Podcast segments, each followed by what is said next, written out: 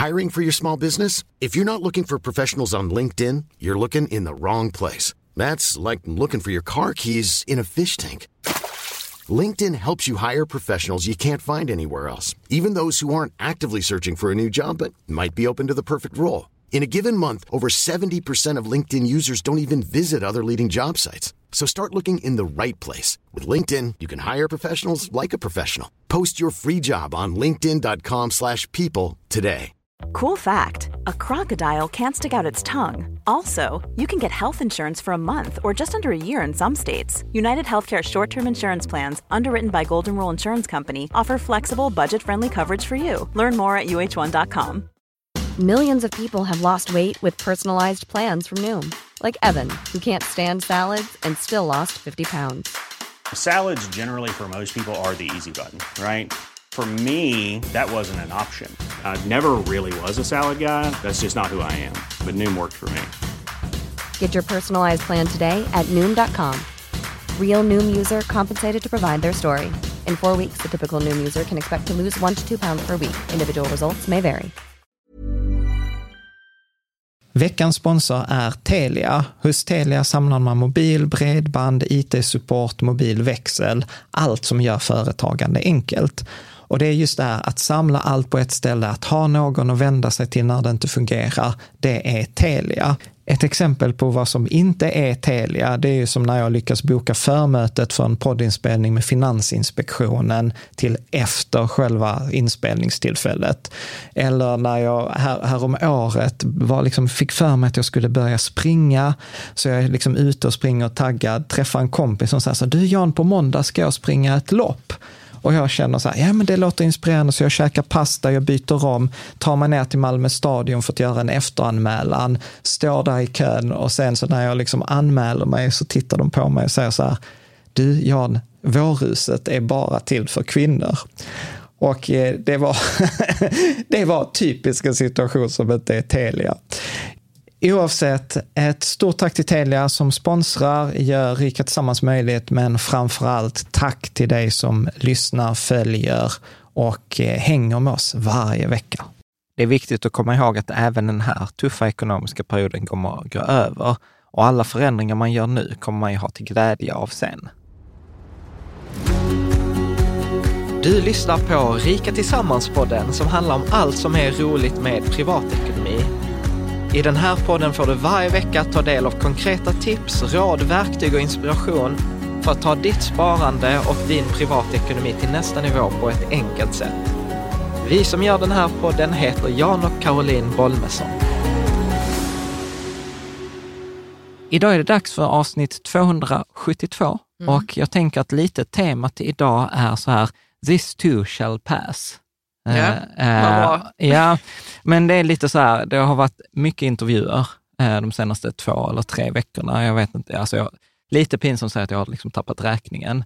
Men många av de här journalisterna har, har ställt riktigt bra frågor. Mm. Men sen så upplever jag alltid en sorg att liksom vi har en timmes samtal och sen blir det liksom 300 ord. Så nu tänkte jag så här, nej, nu ska vi gå igenom de här frågorna och prata lite längre. Frågorna som journalisterna ställde? Eller? Ja, några av dem. Ja. Och, liksom, och några av dem har jag tagit direkt och sen några andra är så här, hur jag minns dem från intervjuerna. Men det är ju naturligtvis temat kring nu det här som jag vet inte vad man ska kalla det, planbokskrisen, tror jag att mm. vi döpte den på forumet, eller om det var Patrik. Det var eh, Patrik från Lysa som kom upp med det. Ja, med ja. planbokskrisen. Så jag mm. tänker att det är lite så. Och, och faktiskt ha en lite optimistisk syn, för jag upplever inte allt som är så nattsvart. Så, åh, hur ska du överleva vintern? Eller så här, i väntan på oktober. Och, alltså alla ja, kreativa förslag, för att jag tänker så här, Många gånger så är vi så upptagna med att stirra på dörren som stängdes att vi glömmer att se alla dörrarna som öppnats och att det är inte nattsvart. Nej. Men, Men det här this too shall pass, vem har sagt det ursprungligen? Alltså myten, fabeln, fabeln så som jag kommer... fabeln? Ja, men det, säg, det sägs att det var en, en persisk kung, ja. en iransk kung, som gav sina, som var deprimerad och som ville att eh, liksom, hans rådgivare skulle komma på med någon mening eller någon saying som skulle alltid vara sann. Och sen skulle han då liksom sätta den inskriptionen i sin ring. Ja. Och sen skulle han kunna kolla på den och bli liksom positivt eh, överraskad. Liksom. Du får en positiv känsla. får en positiv Mm, känsla. mm. Och då sägs det att det som de kom fram till var this too shall pass, även detta kommer gå över eller att ta slut. Mm. Och sen så tror jag att många känner nog igen det från Björn Natthicus eh, sommarprat, tror jag förra året. Ja. Eller för, alltså, ja. Björn, när han fortfarande levde, så Mm. pratade han om detta för att han hade detta i sin, i sin bröllopsring. Han hade det också i sin ring. I sin bröllopsring. Han, Ja. Kungen hade det bara i sin ring, han hade det i sin bröllop... Vigselring, ja. Så här, Okej, vigselring. Men det är roligt för att eh, apropå det med ringarna, så i en annan podd så var det... Så, sa- Häx, häxtimmen, Carro ja, är sin... Ja, men jag eh, gillar häxtimmen. Och då Vänta, vänta. pratar Du de måste- om det. Vänta, vänta, vänta. Du måste berätta för alla oss, alltså nu har vi ju följt, vi som tycker om dig väldigt mycket, vi har ju följt din häxperiod här. Nej, det, det är ingen häxperiod, det är bara ett Jo, men du intresse. Ja, men du lyssnar på en podd då som heter Häxtimmen. Ja. Vänta, detta, detta är ett sidospår som vi måste ta. Karo kom alltså hem till mig en, en dag, precis innan valet, där hon säger så här, idag har jag lyssnat på podden på Häxtimmen, de hade en valspecial. Och i mitt huvud var så här, vänta här nu, Häxtimmen har en valspecial. Men så var det så här, nej, fast de hade inte någon sån partiledardebatt, utan de pratade om, eh, om Alla partiledare. partiledares stjärntecken var det. Ja, och så Mm. sa du tydligen Jimmy Åkesson var oxe och Mm. gi- gillar mat. Och tittar man på Jimmy Åkessons Instagram så var det väldigt mycket så mat mycket och korv. och sånt. Och, och en av programledarna hade en farmor eller gammelmormor som också hade varit oxe, som också gjorde sin egen korv. Och det, alltså det var ett väldigt roligt avsnitt. ja, så Om- det var så här, ja. jag älskar det, on brand liksom. Ja, Ja, men berätta brand. nu om häxtimmen. Jo, men då sa de också det att this too shall pass i något annat sammanhang. Och så sa de att det var Gandalf som hade sagt det. Och så tänkte jag så jag vet inte ifall jag tror att det var Gandalf. det gör inget att de sa det. Jag, men jag, det som kommer upp för mig är det här när han säger you shall not pass ja, till ja. demonen. Nej, tänk om de har missuppfattat Nej, jag det. tror inte de har missuppfattat det. Det kan vara att han har sagt det, Gandalf. Ja. Eh, Men eh, ja, det var, Ja. Alltså jag, det kommer upp till mig alltid den här demonen nu när jag ser den här eh, meningen nu. This Ja. you shall not pass. Ja, ja, ja det, det, det, li- lite annorlunda. eh, Andra associationer Andra har jag. associationer. Men jag tycker det är en fin mening du har tagit som rubrik idag. Ja, ja men det, och, och det är så här, jag vet inte, det är Wikipedia eh, som hade det här, att det är det här persiska ursprunget. Men Ja. ja, ja. Men, Gandalf. ja, men jag tycker man ska ära de som äras bör och Mm. liksom inspirationen till detta avsnitt, många av frågorna kommer då från Elis- journalisten Elisabeth Andersson på Sydsvenskan och Helsingborgs Dagblad. Johanna Cederblad på TT, Christer L. Moshantaf på Expressen och sen har jag varit i kontakt med Gustav Wirtén, Malena Henriksson på Sydsvenskan och sen har jag säkert glömt någon, så att det är mycket deras... Kan du inte berätta varför de hör av sig Nej, men... eh, till dig? Nej, men jag tror att det, alltså, alltså, de märker ju så att det finns ett stort intresse, det finns stor oro. Det är ju mycket detta det pratas om på fikaraster. Eh, vi har ju på, i Patreon-communityn, eh, så har vi ju liksom alltid som på onsdagar fika tillsammans klockan Mm. tre. Mm. Och eftersom jag jag inte har något kontor att gå till så brukar jag alltid fråga så här, men hur är, hur är snacket på ert fikarum? Och då var det som någon som berättade, ja men hos oss så var det många som hade blivit så här förvånade att det var så lite pengar kvar eller att det var så mycket månad kvar eh, ja, liksom innan eh, liksom det skulle komma nya pengar. Och då hade de liksom först då liksom loggat in på sin internetbank och sett att räntan hade ökat. Liksom att det var det som hade tagit ett 2-3 tusen kronor extra kanske, som de inte Mm. hade varit förberedda på. Så att jag, jag tror att intresset, frågorna, oron är nog stor. Eh, och sen upplever jag att det är mycket, varför jag vill ha detta så här, this too shall pass, är att, att det är mycket negativt kring det här. Och att jag Men tror att det är fin- negativt i fikarummen, men det är också negativt i tidningar. Och där kan jag tänka mig, i media vill man ändå liksom jobba med det här, att ku- kunna visa på något drama. Så där Ja. brukar jag alltid så bara, nej, men ta det nu Ja. lite lugnt. Fast du liksom. vet att vi är media också. Ja, vi är media, men vi är inte... Vi är inte sån media, vi är, en, inte sån annan, media, vi är en annan media. Är vi vi är ett alternativ media. Ja, som Nej. nyheter idag. Eller Ja. Nej, men så här, eh, vad var det jag tänkte jag skulle säga? Jo, men ta till exempel, idag spelar vi in detta på, eh, vad är det, onsdag idag den 12. Och igår så var det ett långt inslag, tror jag, på Aktuellt om att till exempel så här, men kyrkan i många städer just nu får liksom folk som eh, kommer dit, inte har ätit, eh, att det är ofta så ensamstående mammor som kanske har gått en, två dagar, de, eller inte gett mat, de har gett mat till sina barn på egen bekostnad eller inte hade råd att ta sig med kollektivtrafik till en hjärtundersökning. Alltså, alltså i Sverige? I Sverige. Det är sjukt alltså. Ja, och så att jag vill liksom inte förneka att det är tufft för många.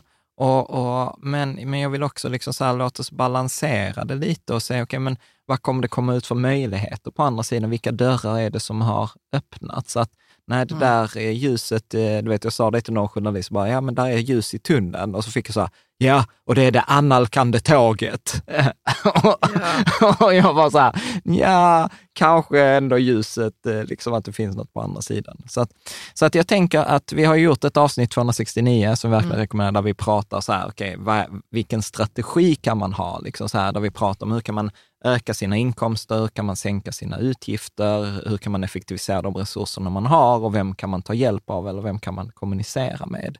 För att det går inte, till skillnad vad man gärna vill säga, liksom så här, så tre snabba tips har aldrig hjälpt någon. Alltså hade tre snabba tips funkat, då hade man kört en gång, sen är det färdigt. Men så, så funkar det tyvärr inte, utan där behöver man ju titta på sin egen situation och så som vi sa, att det bästa angreppssättet, jag gillar ju det här holistiska angreppssättet så, som vd-metoden pratade vi om i avsnitt 269, att det är allmängiltigt. Alla kan behöva liksom ha nytta av att se över hur kan jag öka mina inkomster. Sen för någon kan det vara liksom som har en sjuksköterskeutbildning, som kan liksom ta hyrsjuksköterskeuppdrag eller jobba i Norge. Ja, men den möjligheten har ju inte alla 99 procent som inte har sjuksköterskeutbildning. Så att då, då går inte det tipset där. Men då får man ju titta, okej, okay, men äh, bor jag på ett sådant sätt att jag kan hyra ut ett rum? till exempel? Eller har jag en bil jag inte använder så jag kan använda någon av alla de här tjänsterna för att hyra ut bil? Kan jag sälja några prylar? Jag tror Blocket gjorde väl en undersökning för något år sedan att den genomsnittliga svensken har 25 000 kronor i sitt förråd mm. med grejer som man inte använder. Hur kan man, till exempel, någon, till exempel en lärare som har funderat på att byta, byta jobb, ja men det är kanske nu som man kan byta till en annan skola och få en högre lön. Så att det blir liksom väldigt individuellt vad man kommer fram till från den här frågan, hur kan jag öka min inkomst? På samma sätt, hur, hur kan jag sänka mina utgifter? Att de som har bolån, ja men kolla över bolåneförhandlingen. De som bor i hus, ja men se över uppvärmningen, liksom värmepumpen eh, eller liksom så här. De eh, eh, kanske skjuta på någon resa som man har eller ja, men liksom se över vad kan handla på Lidl istället för på ICA. Uh, och, ja, där blev det också, och där blev det också så fokus, att jag upplevde någon intervju, så var det någon stackare de hade intervjuat som var också var så här, ja men du vet, eh, så här Rotary-föreningen, så ah, jag har gått, börjat handla på Lidl för första gången i mitt liv. Ja, så, blir det väldigt märkligt. Ja, ja, och så för, blev... för Rotary förknippar man ändå med människor som har gått det gott ställt. Ja, och liksom. därför blev, det ju, liksom, blev ju den stackaren liksom så här hånad i sociala, hånad, ja. sociala medier. Eh, så att, ja. Eh, och sen de sista två frågorna, bara för att avsluta det för de som inte visste 269 då. Eh, så öka inkomster, sänka kostnader. Nummer tre, eh, effektivisera de resurserna man har. Som till exempel en stor del av den skillnad vi har gjort, som vi kommer komma in på, är till exempel så att jag har ju lagt mycket tid på att fatta vår värmepump. Mm. Och vår värmepump står ju för typ 80 procent, 70 procent av all vår energiförbrukning, som har varit en stor liksom, post. Mm.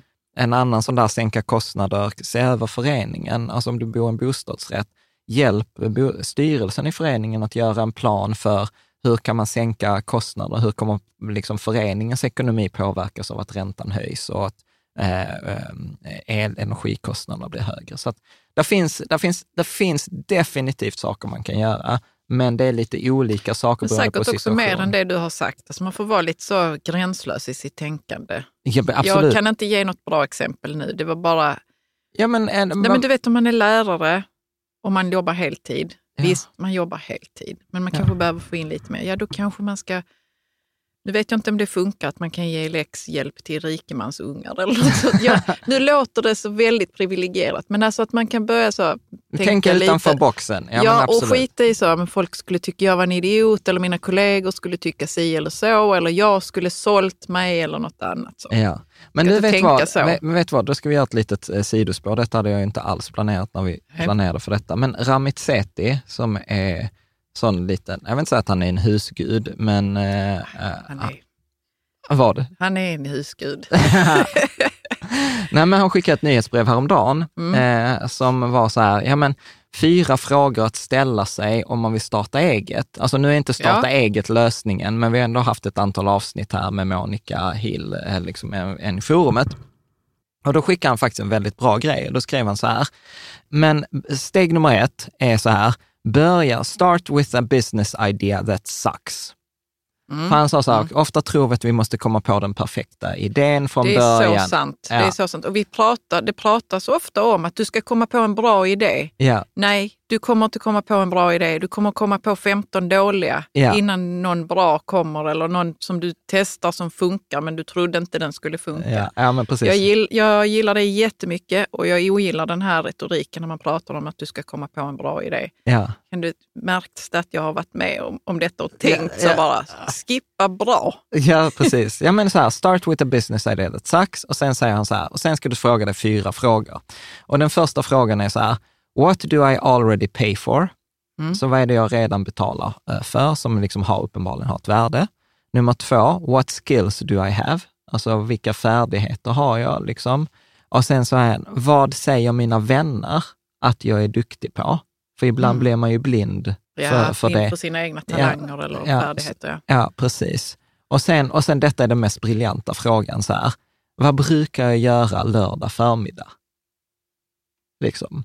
För att det är en sån tid som många, liksom, om man inte har barn och ska sitta i en baskethall, eh, så, så är det ju liksom, då har man ofta Jag- tid för att jag göra... vet inte vad... kan vi, bara, vi bara kan ägna några minuter åt... Eh, vad, eh, vad brukar vi göra då? Ja, Jag har, brukar typ tömma diskmaskinen och städa i köket. Nej, men alltså så här, du... lördag förmiddag, jo det är precis det jag gör. Okej, ja, men där finns det Men vad säkert... tänker han då att, att det kan komma upp för några förslag? Ja, Har men, han skrivit det eller? Nej. Jo, jo, det, det Ja. kan han skriva, men, men alltså till exempel så här, eh, vi har ju kompisar som till exempel så här, är, är sin, eh, ta ett Nisse till exempel. Mm. Han gillar ju Mm. pilla med liksom eh, så här, Snickerier. snickerier Mm. etc. Jag själv, liksom om vi inte ska iväg någonstans så brukar jag hamna vid datorn. Mm. Och då är jag så här, lördag förmiddag, då kan man ändå unna sig göra roliga saker. Det kan vara liksom, Ja. folk skriver i forumet till exempel. Alltså det behöver inte liksom vara några stora grejer, utan så här, vad, brukar jag göra? Och liksom, då får man eh, liksom lite så här, då kan man ta ett papper sen och göra eh, liksom tre kolumner där man har den här, okej, men vilka är mina färdigheter? Ja, men eh, som han ger då exempel här då, då säger han så här, ja men prata engelska eller prata spanska. Ja, men då kan jag ge lektioner.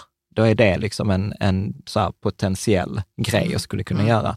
Okej, jag tycker om att göra design i så pdf-er. Ja, men Mm. du kan göra liksom e-böcker. Det finns massor av människor som behöver hjälp med design av e-böcker. Ja, men jag gillar googla eller liksom surfa och leta information. Det, det gör ju du. Du älskar Ja. ju lära dig saker och sen. Men då kan jag säga web research till exempel. Eller så här, ja men jag gillar att spela videospel. Ja men du vet, man hade kunnat jobba med testning till exempel. Eller, ja men jag gillar mingla. Jag, jag har varit på så många mingel också den senaste tiden. Folk är skitkassa på mingla. Du vet, då kan man ju Jo, lära det- ut hur, hur, man, Ja, hur man minglar. Jättebra man kan lära ut det, för det är många som också tycker det är lite jobbigt. Också för att de kan, och därför blir de kassa på det, Ja, inklusive mig själv. ja, ja. Mm. Ja. Men det är jättebra förslag han tar upp, för det krävs, det är inte så jättehög barriär liksom, från Nej. det man kan till att göra någonting av det. Ja, och, och poängen här, återigen, inte starta företag, det är inte det som är lösningen till plånbokskrisen. Eh, liksom. Men, men liksom att börja tänka, expandera detta, hur kan jag öka mina inkomster? Är detta någonting som jag ändå tycker är roligt? Jag gör detta vid sidan av mitt jobb. Du vet, om du bara kan säga, alltså till exempel nu har vi ju köpt via, så här, via Zoom, så hittar vi en sajt på nätet för att eh, vår dotter efter att vi var i Frankrike har blivit en liten frankofil och så vill hon lära sig franska och, och, och så var det så här, vi bara, okej, vet inte hur länge denna hobbyn kommer att hålla. Men då hittar Men vi till vi får exempel, stödja den. men vi får stödja den. Ja. Så det hittar vi liksom så här på nätet att eh, man kan köpa fransklektioner via Zoom. Mm. Och, då, och, och då valde vi liksom så här, alltså hon är 11 år gammal och nybörjare, så det var så här, vi behöver inte liksom en fransk professor från liksom eh, något universitet, utan då hittar vi Giselle från Elfenbenskusten. Ja. Och, och sen betalar vi liksom ett par dollar per lektion. Mm. Liksom. Och för henne är det ju en fantastisk eh, affär. Ja, för jag älskar det och jag har sett hennes anteckningar. Det är absolut eh, det som man börjar med basic. Liksom. Ja. Det är jättebra. Ja. Hon gör det jättebra. Ja, men Mm. exakt. Så, att, så, att, eh, så att jag menar här är så här, ja, men du har ditt vanliga jobb, vi lägger ändå tid på fritid, eh, liksom saker, men då kan man ju lika gärna ställa sig den här frågan som jag, som jag tycker egentligen han saknar. Och, och i min värld så har jag liksom lite sammanfattat, för då säger jag så här, hur kan du tjäna pengar på att göra det som du redan gör? Eller Mm. liksom det som du älskar att göra. Så att då handlar det egentligen bara om så här, att ja, men fortsätt göra det du gör och lägg till frågan, hur kan jag ta betalt för det här? Och han har ju liksom många fler exempel, så här, men om websites you visit regularly, alltså jag känner mig så dålig alltid i podden på engelska, men så här, hemsidor du besöker regelbundet, då skriver han till exempel så här, YouTube, ja men du kan hjälpa till eh, optimera video eller skriva beskrivningar, skriva innehållsförteckningar. Det är sånt som jag kan säga så här, jag hatar skriva innehållsförteckningar, men det är ja, det är väldigt värdefullt. Ja, men exakt. Eh, Facebook, ja men du vet så här, man kan hjälpa till att marknadsföra, koordinera community-event. Också en sån grej som tar jättemycket tid för alla som har liksom, grupper. Han skriver så här, men hänger man på music blogs, eh, ja men skriv eh, reviews på musik. Så att jag, jag tänker att vi behöver inte göra det så, så stort. Och så här kan man liksom gå igenom, ja men gillar man Excel, ja men hjälp till att analysera försäljningsdata eller modellera grejer. Det finns så mycket om man bara börjar tänka. Mm. Men nu tycker jag, nu hoppar vi liksom Vi tillbaka. hoppar tillbaks till... Ja, och, ja, så att det har vi en tråd på forumet. Vi lägger en, eh, en, en tråd eh, där, tänker jag. Bra. Men ska vi hoppa in och börja prata om det så här 20 minuter in, vad vi skulle prata om? Ja. Eh, bra. Så du som lyssnar, jag tror att du många gånger har märkt så här att ibland så blir det sidospår och så tänker jag så här, du får inte vad du vill ha utan du får vad du behöver. så får vi se. För någon kanske detta gör skillnad. Vi får se. Men eh, ska vi se några av de frågorna som jag har skrivit ner. Nu vet jag inte vilken fråga som är från vem. Jag tror att Elisabeth hade fler frågor. Ska du läsa en av de frågorna? Ja. Har du ekonomisk panik eller ångest? Vad vill du säga till de som har det? Ja, vad tänker vi? Och den frågan fick du då? Ja. ja. Precis. Nej, men jag, jag, hur jag svarade på den Mm. var så här, nej, jag har inte ekonomisk panik eller ångest. Jag har däremot absolut en oro. Eh, oro för massa människor som upplever liksom en finansiell kris för första gången och som är liksom ovana. Och, och när vi är ovana, då har vi inte tränat på det och då, då är det ju klurigare. Men många gånger så tror jag att oron för oron är mycket större. Alltså oron för den här osäkerheten är mycket större än det själva som händer och att man många gånger har en oro när man inte har en plan. Och jag tror att det, Ja, och oron gör att man inte har en plan. Ja. För oron är ju känslor Ja. och känslorna blockerar det logiska tänkandet. För man vill, Ja. Det är ju så i många fall. Ja, men precis. Så att jag brukar, liksom, som, som jag sa, så här, om jag bara skulle fått ge ett råd, så är det liksom så här, du är inte ensam, ta hjälp. Alltså så här, där är säkert någon i din omgivning som inte har en oro eller för detta som kan hjälpa till att vara ute ur stresskonen. För ju, ju mer, alltså så här, det finns en modell, mental modell, är att uh, det finns olika stressnivåer.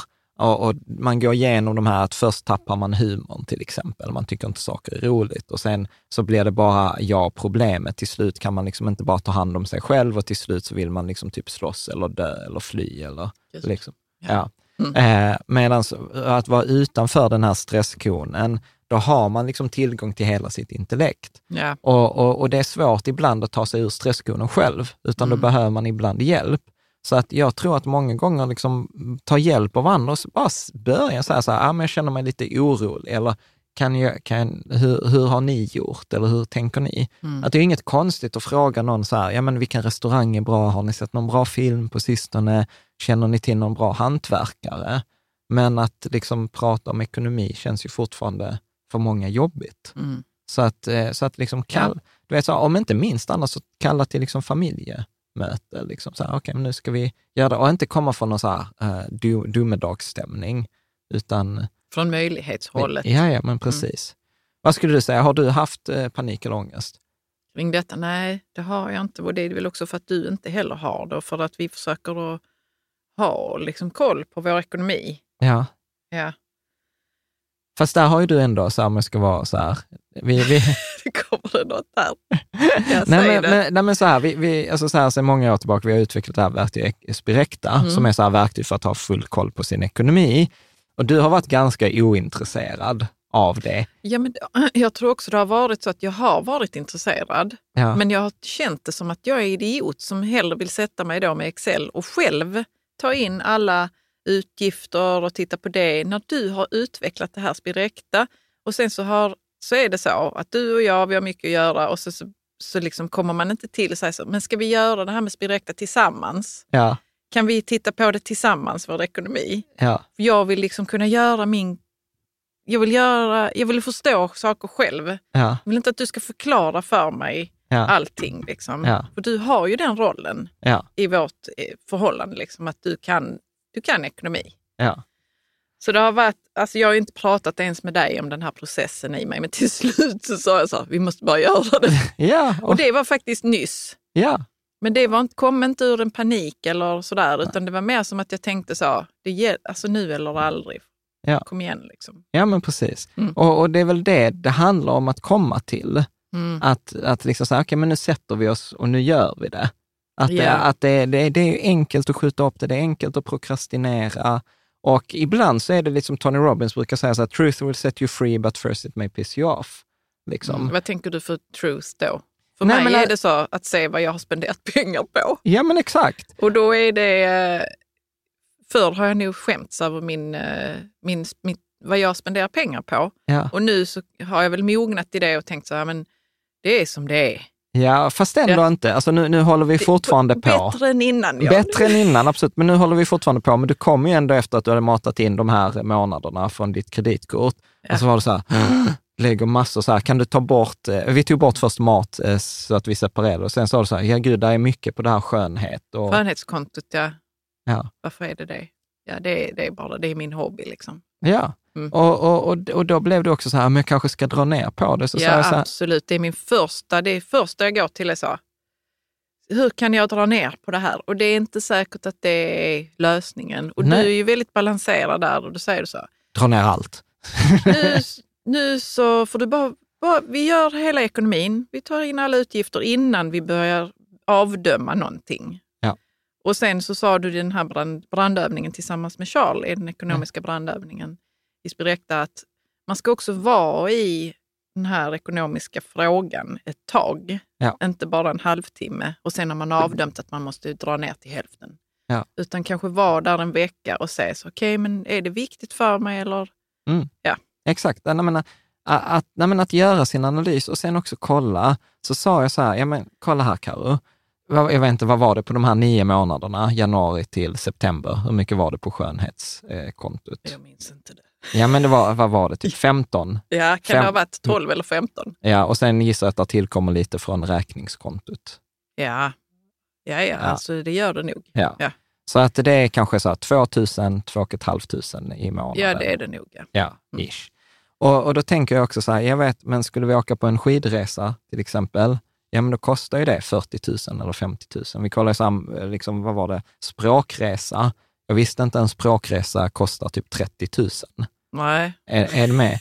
Och, och då är vi också så här, okej, en språkresa en vecka, eller kanske någonting som höjer din livskvalitet väldigt, väldigt mycket ja, under, hela, under hela året.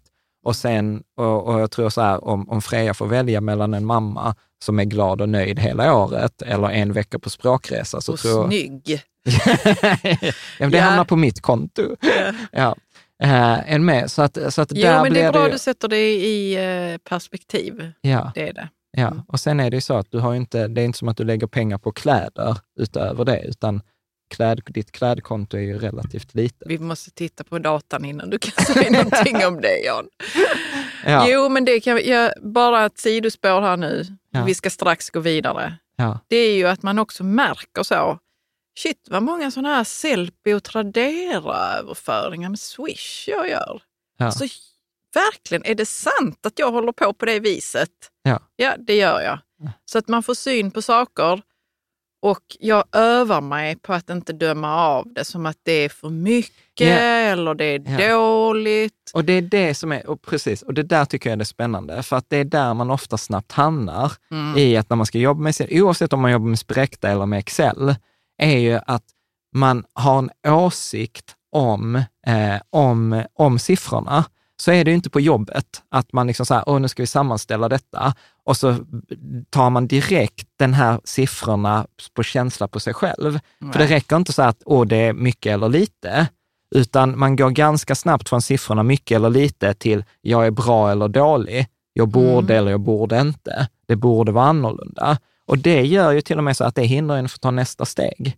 Mm. Så, så att, och, Och kanske också se vem man är egentligen, alltså vad Ja. man tycker om. ja, Man gör ju saker för att man vill någonting, antingen för att man tycker om det eller Ja. inte tycker om eller har något obsessiv beteende. Så att man får inte syn på sådana saker förrän man tittar ja. Eller säga så här, i liksom, mätverktyg till ja exempel. men precis, säga så här, vilken är den vanligaste transaktionen? Ja. Och liksom sen upptäcker man det där, bara, "Ugh, nej det var inte liksom det jag hade tänkt. Alltså det var till exempel någon också som jag pratade med som hade just berättat, så hade så sjukt mycket SL-betalningar, alltså så här Stockholms lokaltrafik. Ah. Och så, så Mm. insåg de så här, Mm.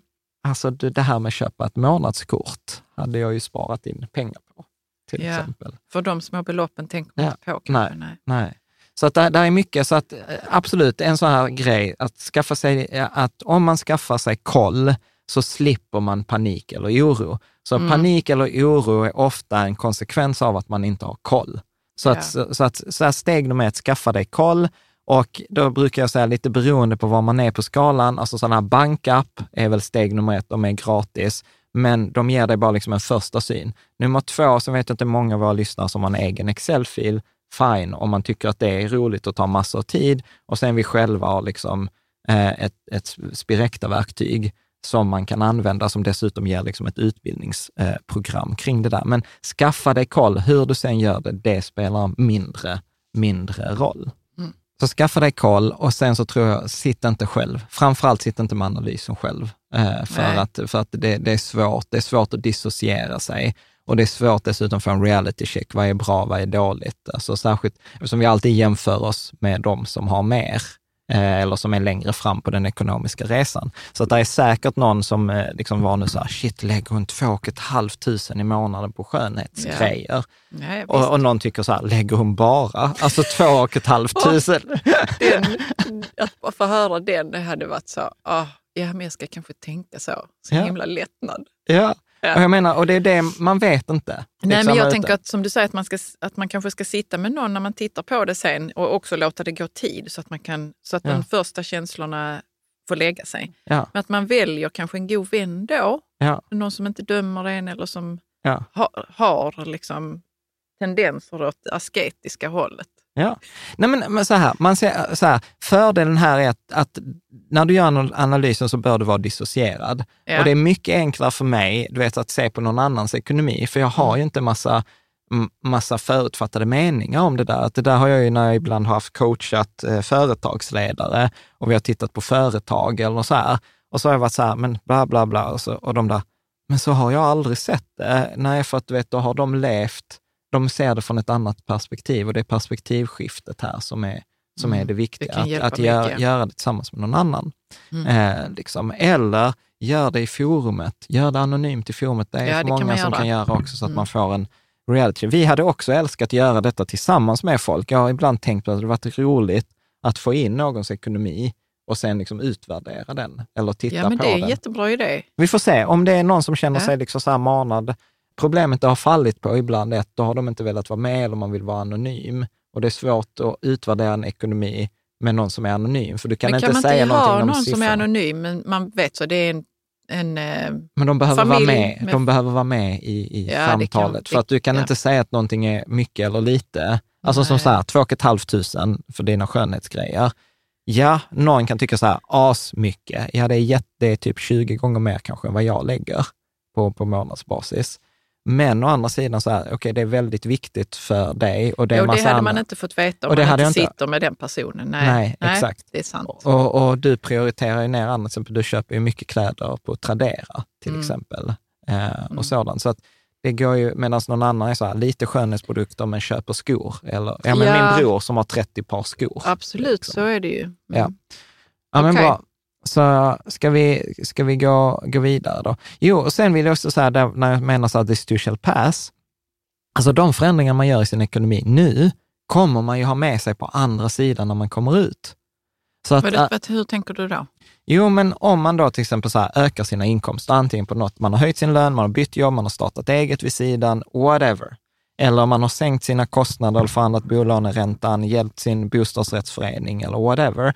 Så allt det när den här liksom ekonomiska krisen, när inflationen har fallit tillbaka, när räntorna kanske blir lägre än vad de är nu, energipriserna normaliseras, ja men då har du ju liksom både tränat och skaffat dig muskler, att du har koll på din ekonomi, du har gjort alla de här grejerna och du kommer få en större marginal när du kommer på andra sidan, så du kommer ju vara starkare. Alltså jag gillar ju inte det här, de här uttrycken, så här, "Ö, det som inte dödar härdar. Eh, Men det är ändå, liksom, det finns en anledning till varför det, liksom, Varför det finns, det varför det uttrycket, finns. ja. Ja. Ja, men det är sant. Och, och det är liksom ingen som kommer dö Nej. av det här. Eh, liksom. eh, så att lite reef, alltså så att, att, att sätta, det, sätta det i perspektiv, Mm. eh, skulle jag säga. Bra. Ska vi ta en annan fråga som kommer upp i intervjuerna? Här? Ja. Vad står det? Första gången många upplever att det är tuffare tider har vi levt över våra tillgångar. Mm. Det var en fråga jag fick den veckan. Och jag är så här, ja, man skulle absolut kunna argumentera idag att vi har levt över våra tillgångar, att folk har köpt dyrare bostäder än till exempel vad de hade haft med råd med idag. Men å andra sidan, så här, då levde vi i en annan räntemiljö. Vi har haft tio års historik på ett sätt, på, på, eh, eller tio år av låga räntor, låga energipriser. Så jag tycker det är liksom ganska hårt att peka finger på liksom en 25-åring som aldrig har upplevt någonting annat eh, eller liknande. Så att ja, jag tror att det är många som upplever att det är tuffare tider. Men sen är det också så att alla tuffa tider är olika. Alltså någon journalist sa till mig så här, ja men du vet, jag var med på 90-talet och då var allt under 10 procent i bolåneränta var bra. Ja, fast du vet, då var det så här, bostadspriserna var lägre, du hade större ränteavdrag, eh, reallöneökningarna var större. Jag tror du hade löneökningar på 70, slutet av 70-talet på 18 eller 20 procent. Så att var, var tid är annorlunda och jag är så här, vad får jag ut för information av att veta att vi har levt över våra tillgångar? Alltså jag förstår, det, är inte, det bidrar inte eh, en, en sån fråga. Så att ibland tänker jag också så här, vad är det för typ av frågor som jag ställer mig och bidrar de till att ta mig framåt? Mm. Eh, liksom. Eh, så att ja, men det är tuffa tider. Det kommer ge nya muskler eh, när vi kommer igenom det och tanken är liksom så här, att ta sig igenom detta så, så smärtfritt som möjligt och att faktiskt se det som att så här, shit, nu bygger jag muskler och jag kommer ha de här musklerna när jag kommer ut på Ja. andra sidan. Ja. Liksom. Vill du tillägga någonting? Nej. Ska vi säga. Mm. Men nästa fråga. Har du själv sett över och förändrat ditt sparande det senaste året? Om nej, varför inte? Om ja, eh, hur har du då ändrat på ditt sparande och varför? Mm. Så att det är korta svaret på det här, nej, vi har inte ändrat vårt sparande. Nej. Vi tror fortfarande på samma strategi som vi har pratat om de senaste åren. Att äga hela höstacken, inte leta efter nålar, utan eh, liksom äga alla företag i alla länder, i alla branscher, i alla sektorer, i alla storlekar och göra det långsiktigt, billigt, regelbundet. Mm. Så och att, då kan vi kan bara säga hur vi gör det. Ja, det som en lys- fondrobot som Ja. Lysa till exempel, som vi hade i förra avsnittet som gäster, eller en global indexfond med låga avgifter. Typ Mm. Länsförsäkringar Global eller SPP All Countries eller Automatisk överföring Ja. varje månad. Så att nej, vi har inte ändrat på vårt, eh, vårt sparande. Vi har gjort ändringar i, i allokeringen, eh, men det kommer vi till, tror jag, i nästa, i nästa fråga. Men strategimässigt så är det ingen anledning. Forskningen har inte ändrats. Eh, det enda som har ändrats den senaste tiden är att marknaden har fallit. Och att, att ändra sin strategi beroende på hur marknaden går, det har vi ju konstaterat i fler än ett avsnitt, att det är inte smart utan du ska ha en strategi som är agnostisk. Alltså som är så här, oavsett om marknaden går upp eller ner så gör man ungefär samma sak. Ja, Liksom. Vi säger ju att man ska sitta still i båten. Ja, Om precis. man har en bra båt. Har du en bra, det var Henrik Tell. eh, Det var Henrik Tell som sa det. Ja, Mm. för jag frågar honom så här, eh, kan man säga så här, sitt, är är rådet sitt still i båten? Han där, ja, under förutsättning att man har en bra båt. Men det är typiskt honom. Han är ju eh, en oberoende ekonomisk rådgivare och jag kan se honom säga detta. Det är förbehållet att du sitter i en bra båt. Ja, och hur vet man att man har en bra båt? Ja. Jo, men det är typ en global indexfond, brett sparande. Och det har vi också sett i år. De som har suttit i globala indexfonder har ju liksom mycket bättre utfall än, än många andra enskilda aktier. Och sen dessutom de som har suttit med globala globala fonder har ju haft lite flyt med valutan också, som att eh, dollarn har ju stärkt, så att jag tror att då är man fortfarande ganska oskadd Mm. eh, i, den här, i den här krisen. Ska vi ta nästa? Ja. Har du till exempel minskat din andel av aktiesparande och placerat om till sparande med mindre risk? Eller har du agerat på något annat sätt? I så fall hur? Eh, ja, v- vad har vi gjort här? Vi har, eh, vi, vi, hade, vi har ju sålt av, vi hade ju några enskilda aktier, Lekhinken, Mm. där har vi lite sålt av, men det hade vi gjort oavsett. Eh, nu sålde vi till och med med förlust. Eh, sen det vi har gjort är ju att vi har ju faktiskt amorterat Ja, det har vi lite. gjort. Att vi Mm. använde pengarna istället för att återinvestera dem så amorterade vi, men det ingick i planen innan krisen. För det sa vi också för redan förra året, att ja, men när vi får ut de här pengarna så kommer vi amortera. Och anledningen till att vi amorterade var att vi låg på typ Many of us have those stubborn pounds that seem impossible to lose, no matter how good we eat or how hard we work out. My solution is PlushCare. PlushCare is a leading telehealth provider with doctors who are there for you day and night to partner with you in your weight loss journey. They can prescribe FDA-approved weight loss medications like Wagovi and Zepbound for those who qualify. Plus, they accept most insurance plans. To get started, visit plushcare.com slash weight loss. That's plushcare.com slash weight loss. One size fits all seems like a good idea for clothes until you try them on. Same goes for healthcare. That's why United Healthcare offers flexible, budget friendly coverage for medical, vision, dental, and more. Learn more at uh1.com. Quality sleep is essential. That's why the Sleep Number Smart Bed is designed for your ever evolving sleep needs. Need a bed that's firmer or softer on either side? Helps you sleep at a comfortable temperature? Sleep Number Smart Beds let you individualize your comfort so you sleep better together. JD Power ranks Sleep Number number 1 in customer satisfaction with mattresses purchased in-store. And now, save 50% on the Sleep Number limited edition Smart Bed for a limited time. For JD Power 2023 award information, visit jdpower.com/awards. Only at a Sleep Number store or sleepnumber.com. jag tror vi låg på 57 procents belåning, ish. Och eh, då visste jag så att om vi kan sänka det ner till mm, eh, under 50 procent så slipper vi amortera och då höjer vi kassaflödet. I eh, vår vardagsekonomi. I vår vardagsekonomi. Och, och det gjorde vi också delvis för att kompensera för kostnaden för ny bil som vi köpte förra året. Mm. Eh, Så att vi har liksom lite balanserat om, men det, det har inte, alltså vi har följt vår plan och det ingick i vår plan, så vi har liksom inte agerat annorlunda än, eh, än vi hade, än liksom på grund av marknaden.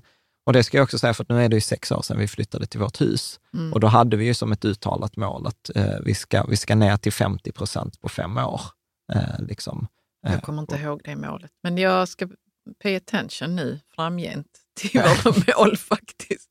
Ja, det är lite skämmigt att säga det. Jag Okej, sitter jag- här i en ekonomipodd och bara har inte kontakt med våra ekonomiska mål. Ja, men det är, så här, det är inte så viktigt. Det, det har inte levt för dig, det målet, men det har levt för mig. Ja, För men jag det kom- för- börjar bli intressant nu med, med vår ekonomi. Alltså jag vet inte varför. Ja, kanske. kanske. Det kanske är krisen ändå. ja, kanske. Ja.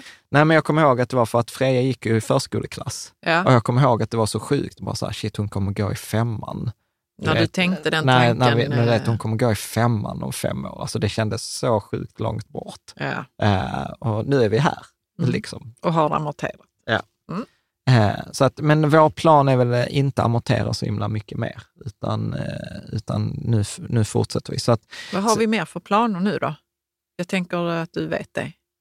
Alltså nu har vi faktiskt inte satt något, eh, alltså det andra målet är ju att, eh, att jag vill kunna, när, när vi går i pension, så ska vi kunna ha samma lön som vi har idag. Mm. Det är ju det andra så här riktigt långsiktiga, viktiga målet. Och där har vi också räknat fram att ja, men då behöver vi ha den här avsättningen i vår tjänstepension. Nu är vi anställda i eget bolag, så vi styr ju det själva, men då har jag ju räknat fram att vi behöver 5% avkastning per år och ungefär 5 000 kronors avsättning Ja. eh, till det där. Och gör vi det fram tills vi då fyller 60 eller ish, när, när vi väljer att gå i pension, 65, så kommer det ge då den här lönen på 45 000 i månaden Mm. som, vi har, Mm. som vi har idag. Så att det är väl det andra målet. Det andra, andra så här ekonomiska mål är ju så att jag vill ju gärna att vi går plus. Ja. Eh, så att till exempel Ja, nu, nu, eh, så nu hade jag ju sån här, nu har vi haft en vecka då elpriserna varit väldigt låga Ja. i Skåne. Och det där var så här, det har jag inte ens sagt till dig, men det var så här lite jobbigt, för på ett sätt så kände jag så här, fan jag vill brassa på, nu är det ju billigt, vi drar upp värmen, vi, vi, vi öppnar fönstret och kör, eller nej, men inte riktigt så. Jag men, behöver inte släcka ljuset. Nej, men, Ja, men- men, men jag bara- har ju men kört brassa- eh, alla, allt tvätt som jag någonsin har kunnat faktiskt. Ja, Jag jo, har brassat på. du, ja, men, Mm. på så här, oh, Så du har det är kört helt tvätt. tomt i tvättstugan. Ja, ja, nej, det har jag inte sett. Nej. Eh, eh, Men eh, jag uppskattar det, Mm. ska sägas. Vad var det jag ska säga? Jo, men för det var så här, om vi brassar på, då kommer vi öka mängden kilowatt, förbrukade kilowattimmar, även om vi inte betalar så mycket för dem. Så nu har jag ju liksom så hittat på att jag vill hamna under 30 000 kilowattimmar i, i december för hela året. Du får, inte berätta, du får berätta sådana mål för jag mig, annars så kommer jag ju Och brassa på. brassa på. Nej men så här, för då är mitt mål så här, då, då har vi liksom gått från 36 000 kilowattimmar till 30 000. Och jag tror att det finns mer utrymme att göra. Och det är en sjuk skillnad kunna säga, om vi ska sälja huset i framtiden, kunna säga så här, ja men detta huset drar 36 000 kilowattimmar eller 28 000. Eller vad det nu än må Är det vara. en stor skillnad? Det är det kanske, ja. Ja, men särskilt med de här priserna. det alltså är säg, sant. lägg 5 kronor per det, så är det ju eh, liksom 8 000, det är 40 000, det är 4 000 kronor extra i månaden. Jag ska bara, eh, en parentes här nu. Ja. För att nu när vi har den här elkrisen, Ja, eller energikrisen kallar man det väl, ja, för att vi har kriget i Ukraina och lite andra grejer, så kommer man ju att se till att elen är stabil. Eh, alltså man jobbar ju på sådana planer nu i Ja. de flesta länder i Europa kan jag tänka mig. Så då kommer elen att vara sjukt billig om så sju år eller någonting. Eller tio år när man har liksom satt upp sådana här ja. Strukturer liksom för energiproduktion. Där, vi har ju mycket diskussion i communityn, i forumet om det här. Ja. Jag var ju lyssnade på en eh, sån här elhandelsexpert som har jobbat med frågorna i många, många år och jobbar på så här konsultbyrå. Eh, som är så här, typ, var så roligt, Mia hette hon, och hon, hon var så här, ja, alltså man har ju aldrig fått frågor när man har varit på mingel eller middagar, om, utan liksom vad man jobbar med. Säger man att man jobbar med elhandel och elplanering och projektering så tycker folk så här, "Öh." Som en kompis till mig sa så här, shit, jobbar man med de frågorna, då måste man verkligen hata sig själv. Ja, men, gud, så får man inte säga. ja, men i alla fall så hon sa så här, men, ja, hon sa så här, ja, men det var mycket, mycket intresse för det. Och hennes spekulation var väl att eh, liksom något slags stabilt eh, liksom pris bör ligga någonstans runt en krona kilowattimmen. Mm. Eh, och sen så kommer det lite, vi kommer eh, ha mycket mer användning fram, framgent, men å andra sidan så planeras det sjukt mycket ny energi eh, också. Så att, så att ja, mellan en och två kronor, jag pratade med någon som jobbade med en stort, stor svenskt företag som förbrukar mycket el. De hade i sin kalkylränta typ 2,5, två kronor till 2,5 eh, kro- krona per kilowattimme. Mm. Så att, eh, ja, vi får se. Det vi får se. Eh, bra, ska vi ta eh, nästa fråga? Ja. Har du mer på sparkonton, ökat din buffert och eller betalat av lån? Har du mer sparande i några andra sparformer? Ja, nej, vi har, ja, vi har ökat bufferten. Ja, Eh, för att som sagt, eh, det finns ju en tråd på forumet nu med flera hundra inlägg där jag i somras konstaterade att ja, ja, men är priset 5 kronor per kilowattimme och vi har typ 20 000 kilowattimmars användning mellan oktober och mars, så är det ju bara 20 000 gånger 5. Alltså det är 100 000 i elräkning. Och eftersom vi har försökt ligga på en buffert på 100 000 så, så kändes det så här, eh, ja vi behöver nog öka den, eh, den bufferten. Så att ja, det gjorde vi. Eh, vi ökade på bufferten och vi har betalat av lån. Men jag vill också säga så här, ett missförstånd här, till exempel, för det har varit mycket snack om så här, ska man sänka, eh, ta bort amorteringskravet så att folk liksom kan sluta amortera så som vi gjorde, fast vi gjorde det för att vi kom under 50 procent. Andra kanske kan göra det för att man säger att du inte behöver göra det. Så skulle jag säga så att det är en farlig väg att gå, för att om priserna fortsätter vara höga, alltså matpriserna är höga, bränslepriserna är höga, eh, livsmedelspriserna är höga, så kom, om man använder buffert för att klara det, så kommer, eh, så har man inte löst något problem, för bufferten kommer ta slut förr eller senare. Så att lösningen till den här, eh, eh, den här krisen är genom att liksom sänka kostnader eller öka sina inkomster. Det finns liksom ingen annan lösning. I, i, jag rör mig en hel del liksom bland företag och lite på onoterat marknaden. Och alltså så här, jag vet, alltså förra året om man hörde Road to Profitability, så man sa, ah, så ni jobbar på det. Idag är det typ varenda möte så pratas det om road to profitability. Och hur får man road to profitability? Ja, Därför att innan har man varit bara på... Att vi tar in mer finansiering. Ja, men nu inte, finns inte den nu finns inte den finansieringen. Så nu måste företagen okay. själva Komma bli lönsamma. Eh, lönsamma ja. Och hur blir du lönsam? Du ökar dina intäkter eller sänker dina kostnader. Mm. Det, det, är inte liksom... Företagen är... jobbar så och det kan vi också själva i vår Jo, men alltså så här, det finns ekonomi. inte... Ja, ja, precis. Alltså, vi har jobbat med företagsekonomi sedan 1500-talet. Då, inte Macchiarini. Machiavelli. Machiavelli och liksom de här, jag tror att eh, den här dubbelkonteringsmetoden uppfanns på typ 1500-1600-talet i Italien. Ja. Så att vi har jobbat med ekonomi i 400 år. Det finns inte så många andra sätt. Det finns inte något magiskt sätt. Och, och att, att ha buffert, det är samma som med bundet till exempel. Bundet elavtal eller bunden ränta. Du har köpt dig tid. Buffert köper dig tid, men någon gång så kommer ju ditt bundna avtal gå ut. Vad gör du då? Mm. Eh, någon gång kommer din bundna ränta gå ut. Vad gör du då? Och det hade vi också i avsnitt 269, att ska man till exempel jobba med bundet så behöver de flesta ha mycket längre bindningsperioder. Att de, de flesta en har ett år? Eller? De flesta, många har bundit på ett, två år. Det gör ingen skillnad. Alltså ska man binda, då ska du binda på tio år. Alltså så att du har, för då kan du övervintra tills krisen är, är slut. Nu kommer du bara i olika lägen i den här krisen. Och för oss som har till exempel haft rörligt, ja, vi drabbades tidigare, men å andra sidan har vi kunnat använda en del av den vinsten till att bygga buffert. Mm. Är du med? Så att, ja, då har vi köpt oss tid att anpassa då, eh, vår väg till lönsamhet eller till öka inkomster och sänka kostnader genom att vi har en buffert. Så bufferten köper oss tid. Folk kanske inte har buffert, men då har de haft bunden ränta eller bunden, eh, bundet elavtal, mm. kanske. Och då har de också köpt sig tid. Och då gäller det att utnyttja den här tiden mm. på, på rätt sätt, att skaffa sig koll, se över sina inkomster, se över sina utgifter, effektivisera de resurser man har, be om hjälp. Alltså det värsta man kan göra är det ju bara blunda tills det går ut. Liksom. ja. Och redan nu också, när man inte sitter i stresskonen, fundera så här, hur låter mitt resonemang när, när mitt avtal går ut? Ska jag då binda eh, eller ska jag ha rörligt? Har jag utrymme för att ha rörligt? Eller om jag binder, yeah. hur, ska jag, hur ska jag ta hand om till exempel nu, det tror jag var få av dem som band som trodde att vi skulle ha en hel vecka med liksom grat, alltså vissa timmar gratis el.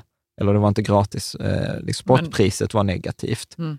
Eh, det är också fantastiskt, vi har ett negativt spotpris, men med skatter och tillägg så blir det liksom 10 öre eller 12 öre. Ja, hur det nu går till. Men du, men eh, eh, vad var det jag tänkte här nu? Jo, men det är också det man binder om man råkar binda på två kronor eller så, ja. tio år, då, då kan man känna så, fan varför gjorde jag det? Ja, nu är elen billig igen.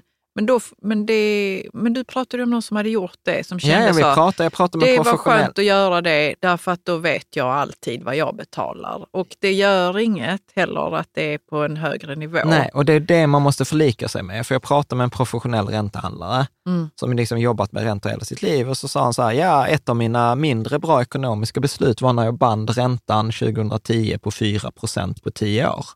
På lånet? Ja, då. på lånet. Ja. Och, och eh, han var ju så här, för sen var ju räntan nere på under ett. Ja, men det så kan betalade, ingen veta ju. Nej, och han sa ju så här, ja, jag fick ju suck it up. Eh, alltså, för, men när jag fattade det beslutet så var det rätt. Då kände Mm. jag att jag gjorde ett kap. Mm. Eh, och, och då bör man ju kunna liksom också i den här strategin när man bestämmer sig, hur ska jag göra när mitt bundna avtal går ut? Hur, hur hanterar jag ångern? Det måste definitivt vara en aspekt på det där. Ja, hur hanterar jag ångern och äger bara att ja, det var 4 procent. Till exempel, om För att man- räntan sen går ner till två. Ja. Ja, exakt. Så, så att det, det är skitviktigt. Och sen har vi också ett resonemang på forumet där i avsnitt 269, vi pratar lite om hur resonerar man bundet versus rörligt? Liksom. Och det här med asymmetrin i det och sådant. Men ja, det är ett annat avsnitt. Mm. Har du mer sparande i några andra sparformer? Det var också frågan.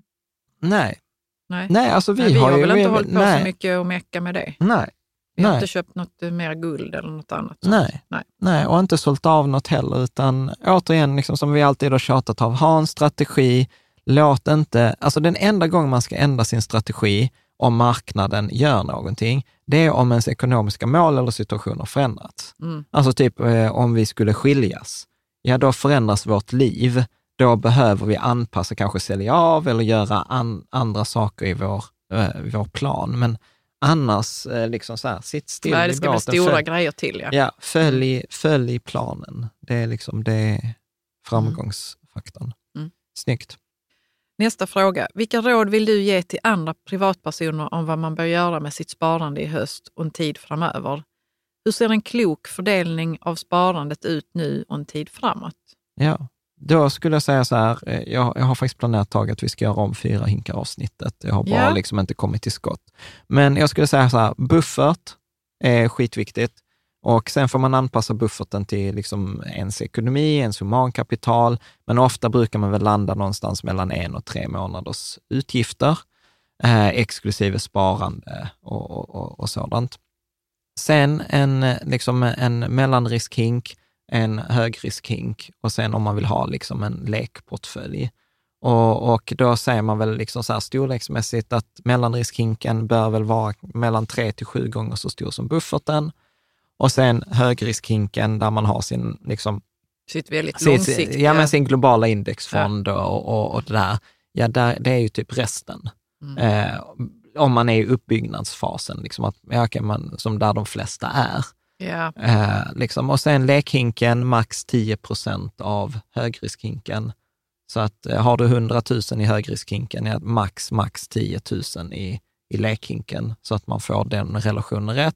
Och sen där också, som vi kommer att ta upp i det avsnittet, är att tänka att om du har till exempel ett, för många vill gärna tänka att detta är kontanter, men om du har till exempel ett hus som, eh, som är mer värt än vad du har lån på det, ja men det är ju också pengar som man behöver ta hänsyn till, Ja, som men- då ska ligga till exempel i, i mellanriskhinken. Ja, men det som jag gillar med hinkarna är att hela ens ekonomi ligger där. Det är Ja. inte bara liksom det man har sparat ihop. Nej, liksom. jag tror att det är avsnitt 190. Det är fortfarande bra tankar i det. Det är bara liksom så att jag, jag gillar ju så här fräscha upp grejer typ en gång om Men året. kommer vi också då, och du, för du pratade om att eh, om man är i uppbyggnadsfasen av sin Mm. ekonomi, kommer vi då också prata om om man då är, inte är längre i uppbyggnadsfasen, hur man gör med sina fyra hinkar då? Ja, alltså Ja. Så här, tanken är ju då att när du har vunnit det ekonomiska spelet, du har de pengarna du behöver, ja men då, kan du, då blir det ju mer valfritt. Alltså då kan du Mm. ha, då brukar vi prata om som så här 5-25-principen.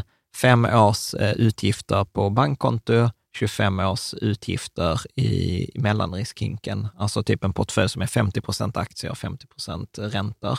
Typ den inställningen på, på Lysa till exempel. Mm. Och sen resten av pengarna är eh, valfria. Ja. Och, och sen tar man naturligtvis hänsyn till exempel till pension. Att eh, när du då tar årsutgifterna, som allt utgår från, ja men har du då pension, då utgår det bara det som saknas på pensionen.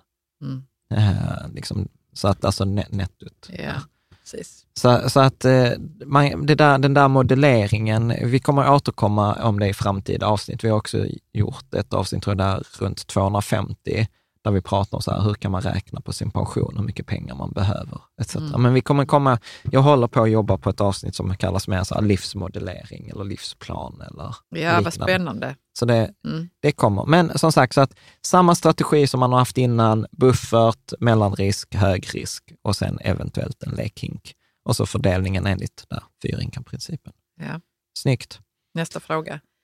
Hur ska man göra med eventuellt månadssparande? Bör man till exempel minska andelen i aktier eller aktiefonder? Vad kan vara bra alternativ för den som vill minska risken? Ja, alltså detta är en sån spännande fråga, för att detta är en sån typisk fråga som jag inte hade tänkt på om, Mm. om den inte hade kommit från, från journalister, men den har ju återkommit från flera stycken. Att det är tydligen många nu som slutar månadsspara, vilket jag tycker är, är... Och de slutar månadsspara för att de tycker att börsen har gått ner.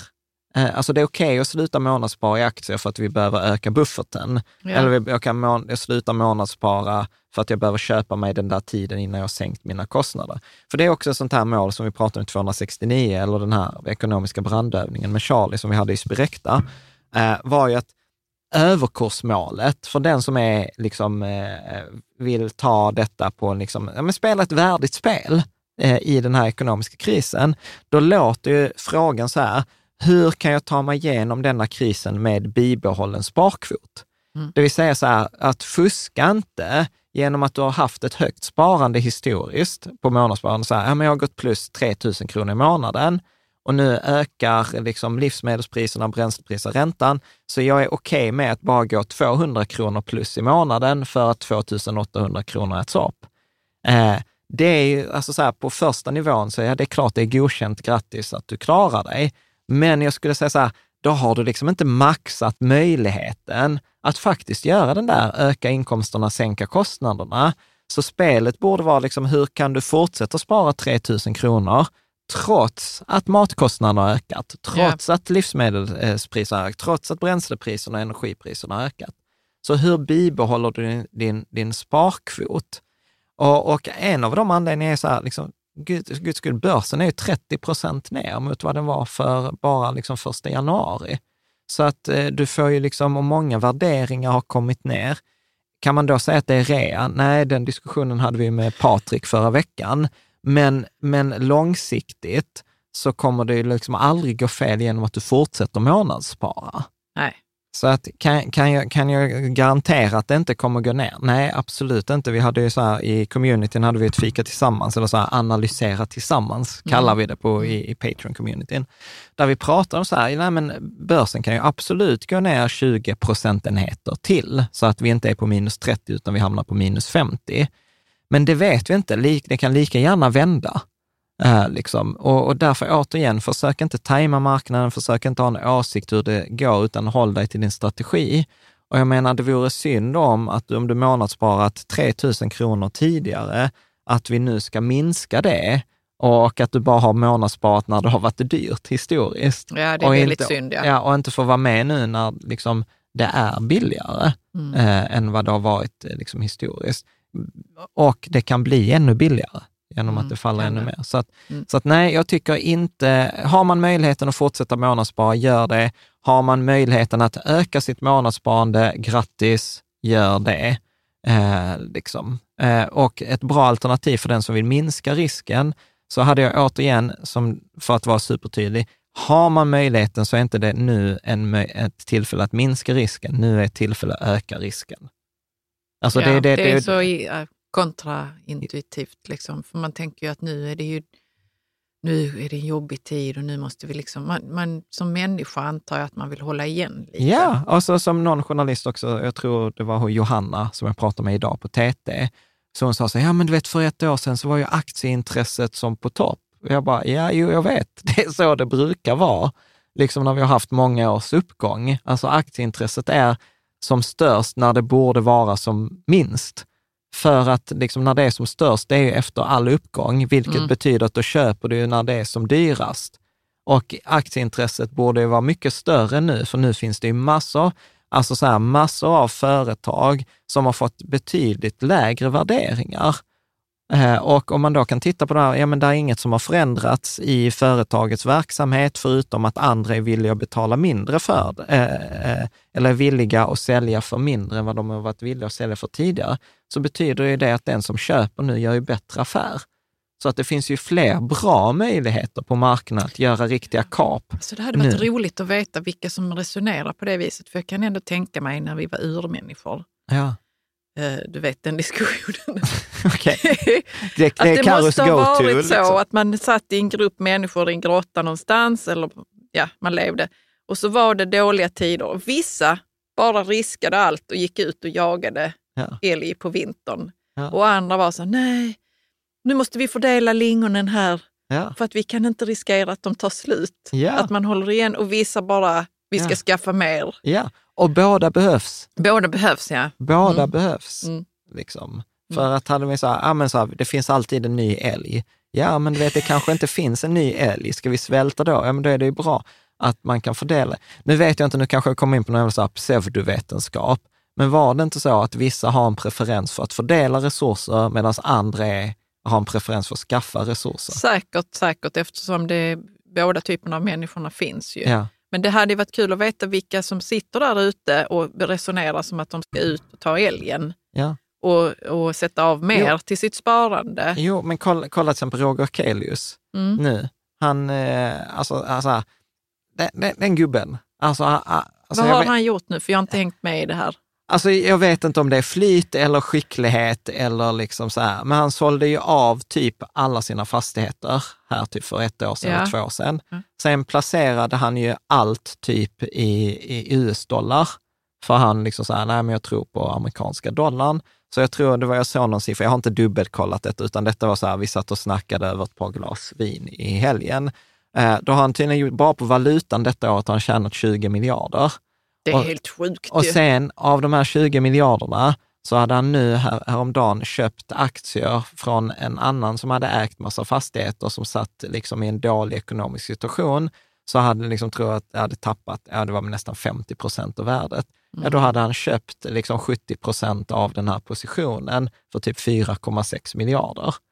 Så att han har liksom använt 25 procent av sin valutavinst för att göra liksom en fantastisk affär här och göra ett återinträde i den svenska liksom fastighetsvärlden. Han kanske saknade den. Ja, jag vet inte, men, Ja, men så här, fucking, fucking brilliant. Eh, liksom.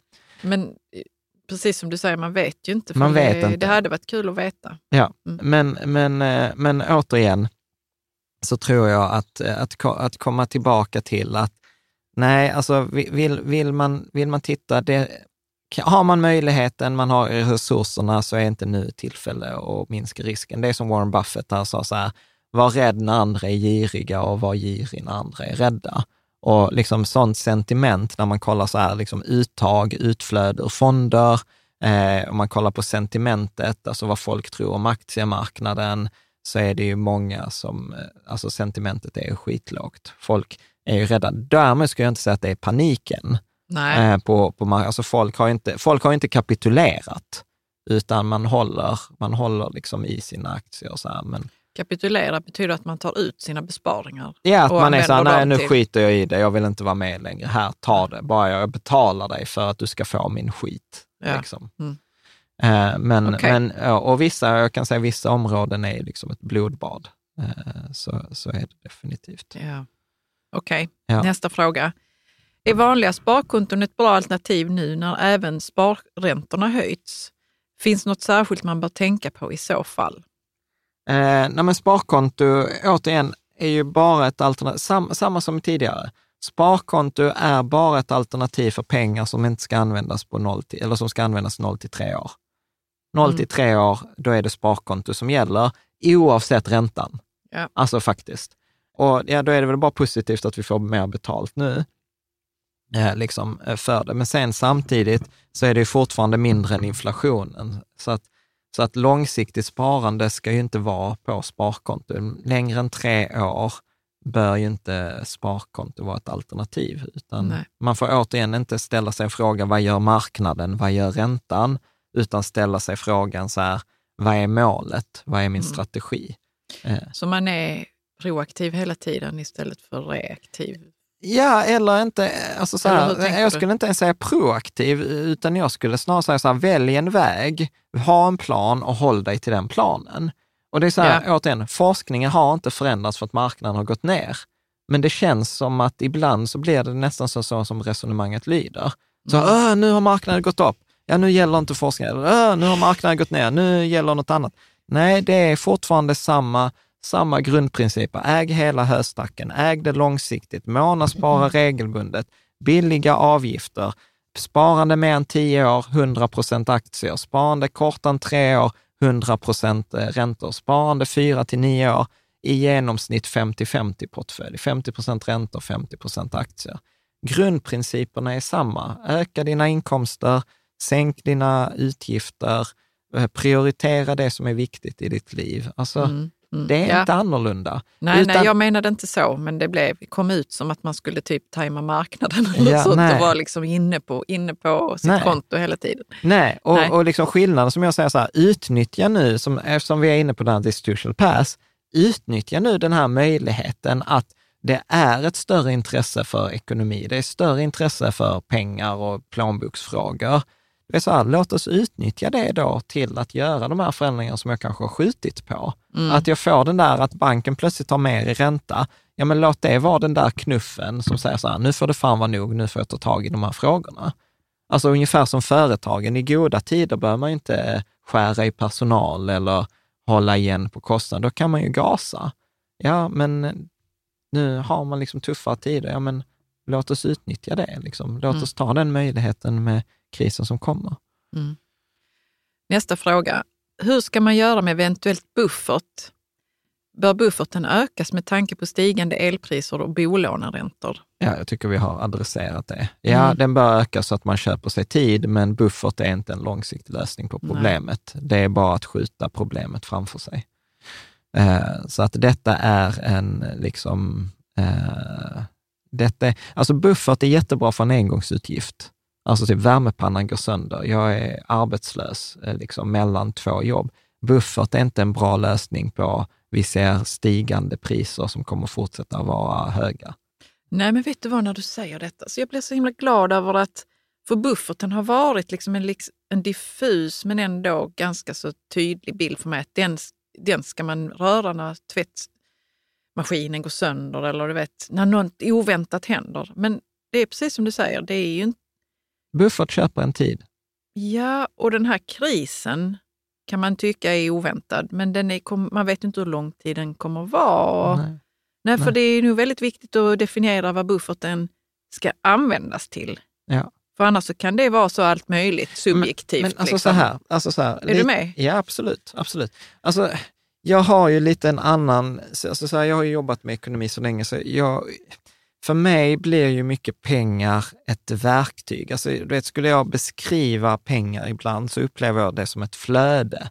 Mm. Alltså det är typ som en vätska.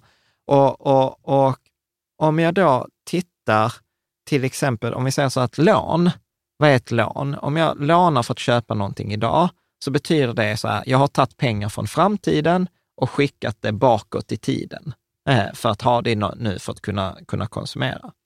Ett sparande är motsatsen. Ett sparande är att ta pengar idag och skicka dem till framtiden. Är, är, är du Ja, med? ja, visst. Vad är en buffert? En buffert blir då på något sätt någonting som jag kan variera. Alltså jag kan Ja. skicka det till framtiden och jag kan skicka det bakåt i tiden.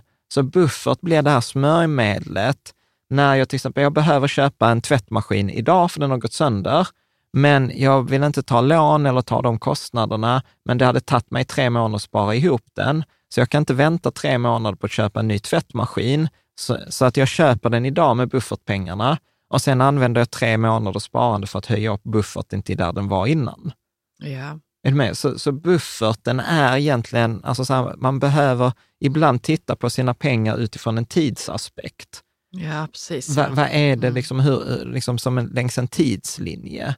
Och det är där jag tror inte så många tänker på liksom pengar Nej. i form av det ett är flöde roligt på en att du säger att du tidslinje. tänker på pengar som en vätska eller som en energi. Eller vad, Ja. ja, för att jag tror inte heller att folk fattar hur det ser ut i ditt huvud Nej, när det kommer till pengar. Eftersom du har jobbat med det så länge så kanske du har helt egentligen andra upp, annan uppfattning om pengar och hur man skaffar pengar och, och så än vad helt vanliga människor. Precis. Det, det är jättespännande det du, säger. ja, men jag tror att det är ungefär för någon som åker skidor mycket, Mm. som kan väldigt många olika typer av snö och kan många nyanser på snö. Jag upplever så att jag har ganska många nyanser i, i, på området pengar. Men liksom. är du själv medveten om vad det är för nyanser eller kommer det fram då Ja, och men det då kommer fram då och då. du Till pratar? exempel, ja, men jag, jag satt nu och lekte managementkonsult, eh, så jag hjälpte ett företag som hade det ganska tufft. Och ganska snabbt efter en halvtimme inne i mötet så inser jag så här, shit, alltså de här människorna bara pratar förbi varandra. De pratar till exempel så här resultat. Så här, går vi med vinst eller går vi med förlust? Eh, och, och, så pratar de mycket just där, öka inkomster och sänka utgifter.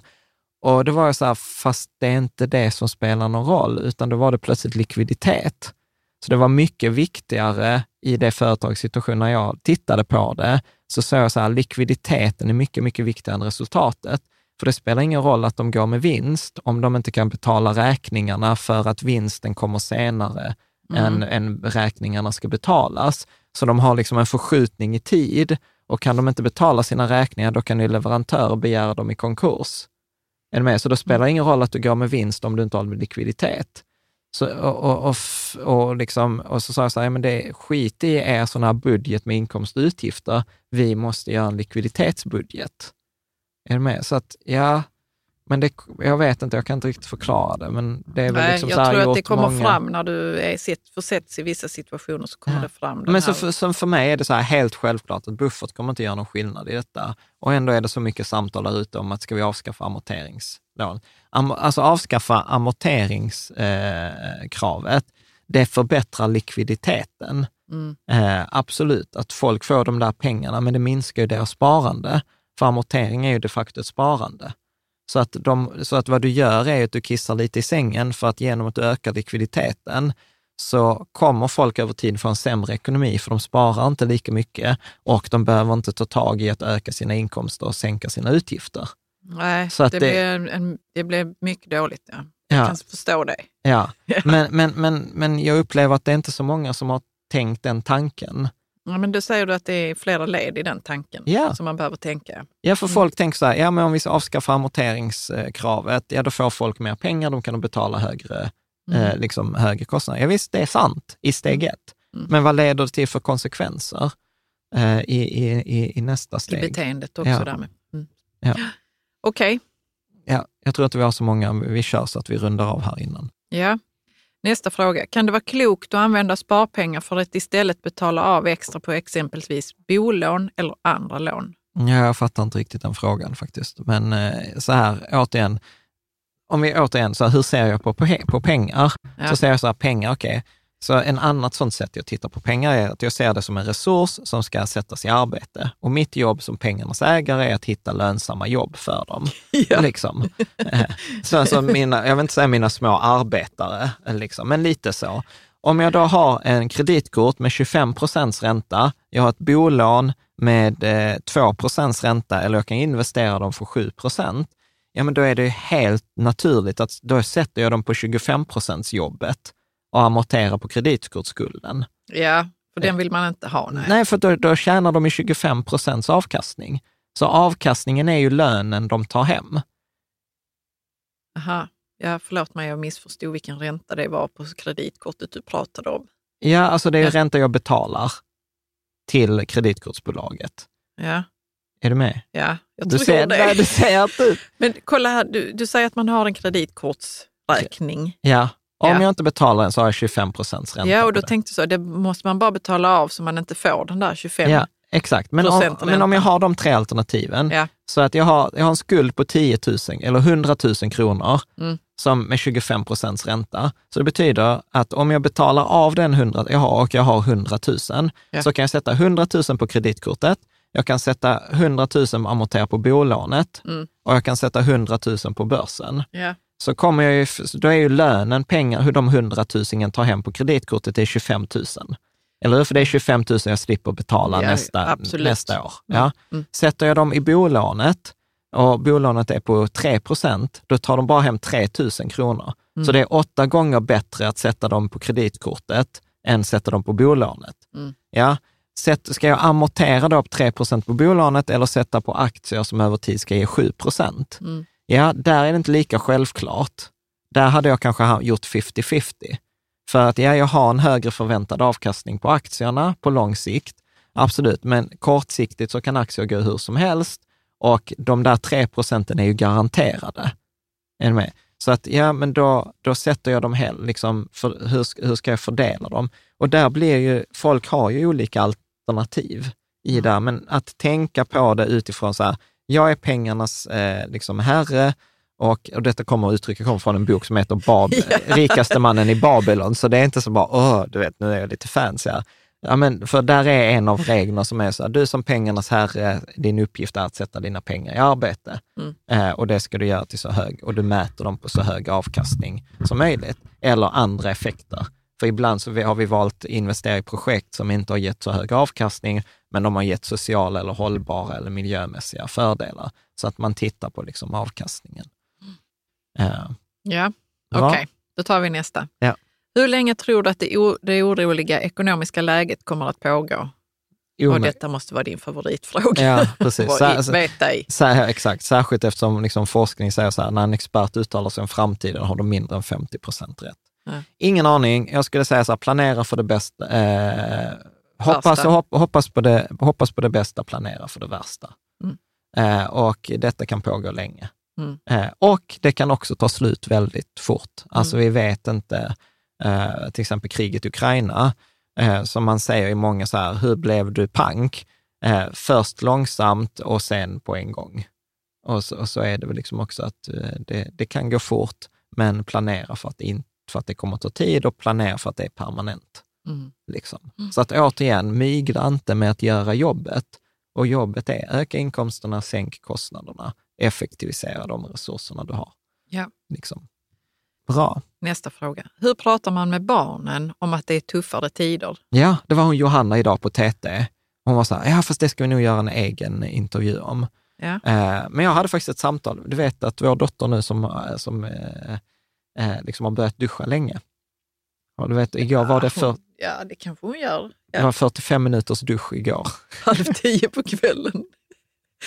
Innan har jag ju fått putta in henne i duschen och Ja. locka med varma handdukar. Och, Ja, ja. men nu gör hon det frivilligt. ja, 45 minuter. Så jag hade lite så bara, okej, nu var elen billig igår, men jag var så här, okej, vi behöver prata om, om det där. Eh, men så här, återigen, jag tror att när man pratar med barn, om vi går tillbaka till när jag skrev den här boken Gör ditt barn rikt, så är det viktigt att barnet inte känner att de har ansvar för frågan, Ja, men, men de kan vara inkluderade i hur det är. Att Mm. elpriserna är högre, att till exempel så här, okej, duschar du 45 minuter så är det inte varmvatten till när pappa eller mamma ska duscha eller lilla syster ska duscha eh, och så vidare. Så att jag, jag tror att när det gäller med barn, inkludera dem och barn fattar mer än vad man tror. Så ljug inte för dem eh, etc. Men, men liksom inte heller skrämma upp dem. Så att prata inte med dem när du själv är i stresskonen, utan prata med dem när du är på ett bra ställe själv och, och var väldigt tydlig med så här, detta, det, detta är mitt ansvar som vuxen, jag kommer lösa situationen eh, och du Exakt, kan hjälpa ja. till på det här sättet. Ja, liksom. och det vill de säkert, barn. Men, de vill, men det stressar barn att känna att de har något ansvar som egentligen vuxna ja, ska ta på sig. Ja, 100 procent. Ja, så att Mm. jag tror till exempel hur vi kommer att prata nu liksom med, med våra barn är liksom så här, nej men, så här, låt oss nu liksom bidra här, att dra vårt strå till stacken, att vi, vi har det lite kyligare eh, eller vi har inte lika hög temperatur, vi gör de här och de här grejerna och vi gör det för att vi vill bidra till dem i Ukraina, vi gör det för att vi ska kunna göra andra roliga saker som vi tycker är viktigare.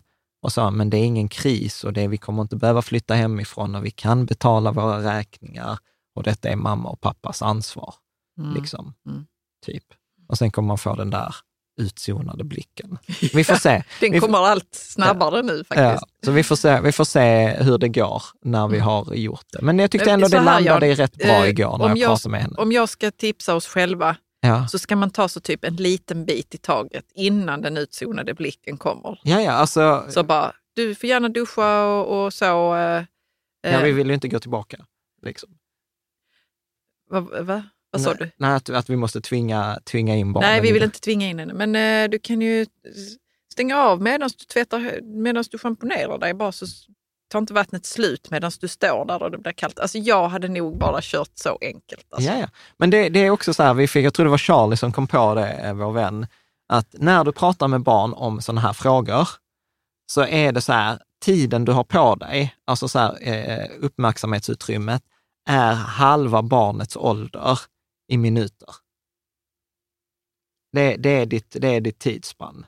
Det- Inte ens det alltså. Nej. När jag pratar med Freja om saker så är det så 30 sekunder Ja, men hon tills hon lite... bara sa Nej, men ja, hon- och så går hon, går hon sin väg typ.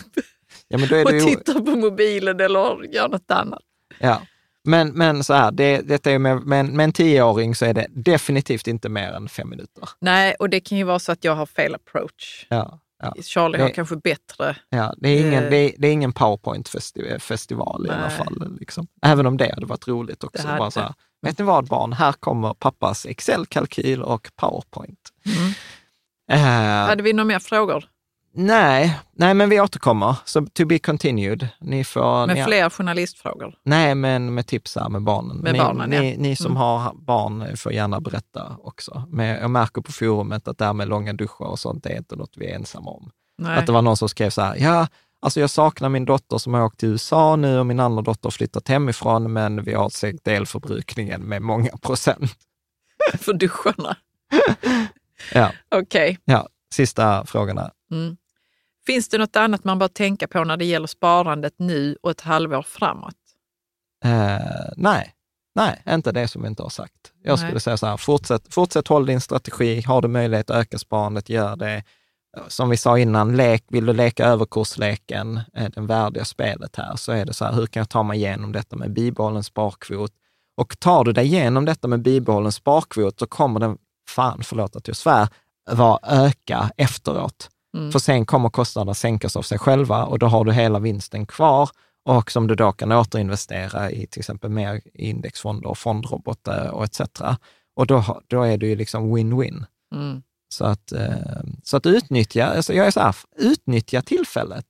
Ut, låt oss inte så här, låt inte den här krisen gå till spillo, eller det är i backarna man rycker, eller ja, det finns många, många, låt aldrig en bra kris gå till spillo, liksom, utan ma, ma, så här, maxa krisen.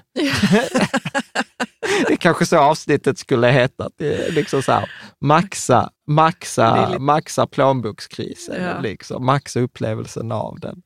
Uh, ja, men snyggt. Mm. Bra, något du vill lägga till eller vi känner oss nöjda? Nej, vi känner oss nöjda. Eh, och som vanligt ser jag jättemycket fram emot kommentarer och sånt i forumet. Det är där vi hänger och eh, det är jättekul i forumet. Det är många konkreta tips, det är många historier. Vi har till och med en forumtävling nu som heter så här, liksom tävla med dig själv mot eh, liksom sänka energiförbrukningen mot förra året. Eh, Mm. och liksom så, att, så att vi i forumet, i communityn, försöker vi maxa detta och vi har ganska roligt. Och det är faktiskt så här, som vi har nu sänkt till exempel vår energiförbrukning, vi verkar snitta mellan 30 och 40 procent lägre än förra året. Ja. Alltså jag tänker så här, ja det är en ekonomisk besparing, men tusan, det är ju en, ex, det, är en besparing för, för miljön Mm. och, och klimatet också, plus att det höjer värdet på huset. Mm. Så att jag menar så här, shit, det är... Det Detta är, hade vi inte gjort om det inte hade varit kris. Nej. Nej, gud nej. Gud nej. Så, Nej. att, eh, Så där har vi, vi, har ma- max, maxat. vi har maxat eh, i det. Jo, men, det, men jag tyckte det var bra att du sa det nu för att det kan vara svårt annars att fatta hur man maxar. Liksom. Ja, jag har maxat så här, jag kan vår värmepump utan och innan, vi är kompisar. Ja. Eh, liksom, jag har stenkoll, jag har lagt så här, energimätning på och liksom du har alla- fått hjälp. och Det ska man ju säga också, att du har fått hjälp av kompetenta ja, människor. MPJ i forumet och sånt, så absolut. Snyggt! Jag Mm. tänker att vi håller där så ses vi eh, nästa, nästa vecka helt enkelt. Mm. Tack så hemskt mycket. Tack.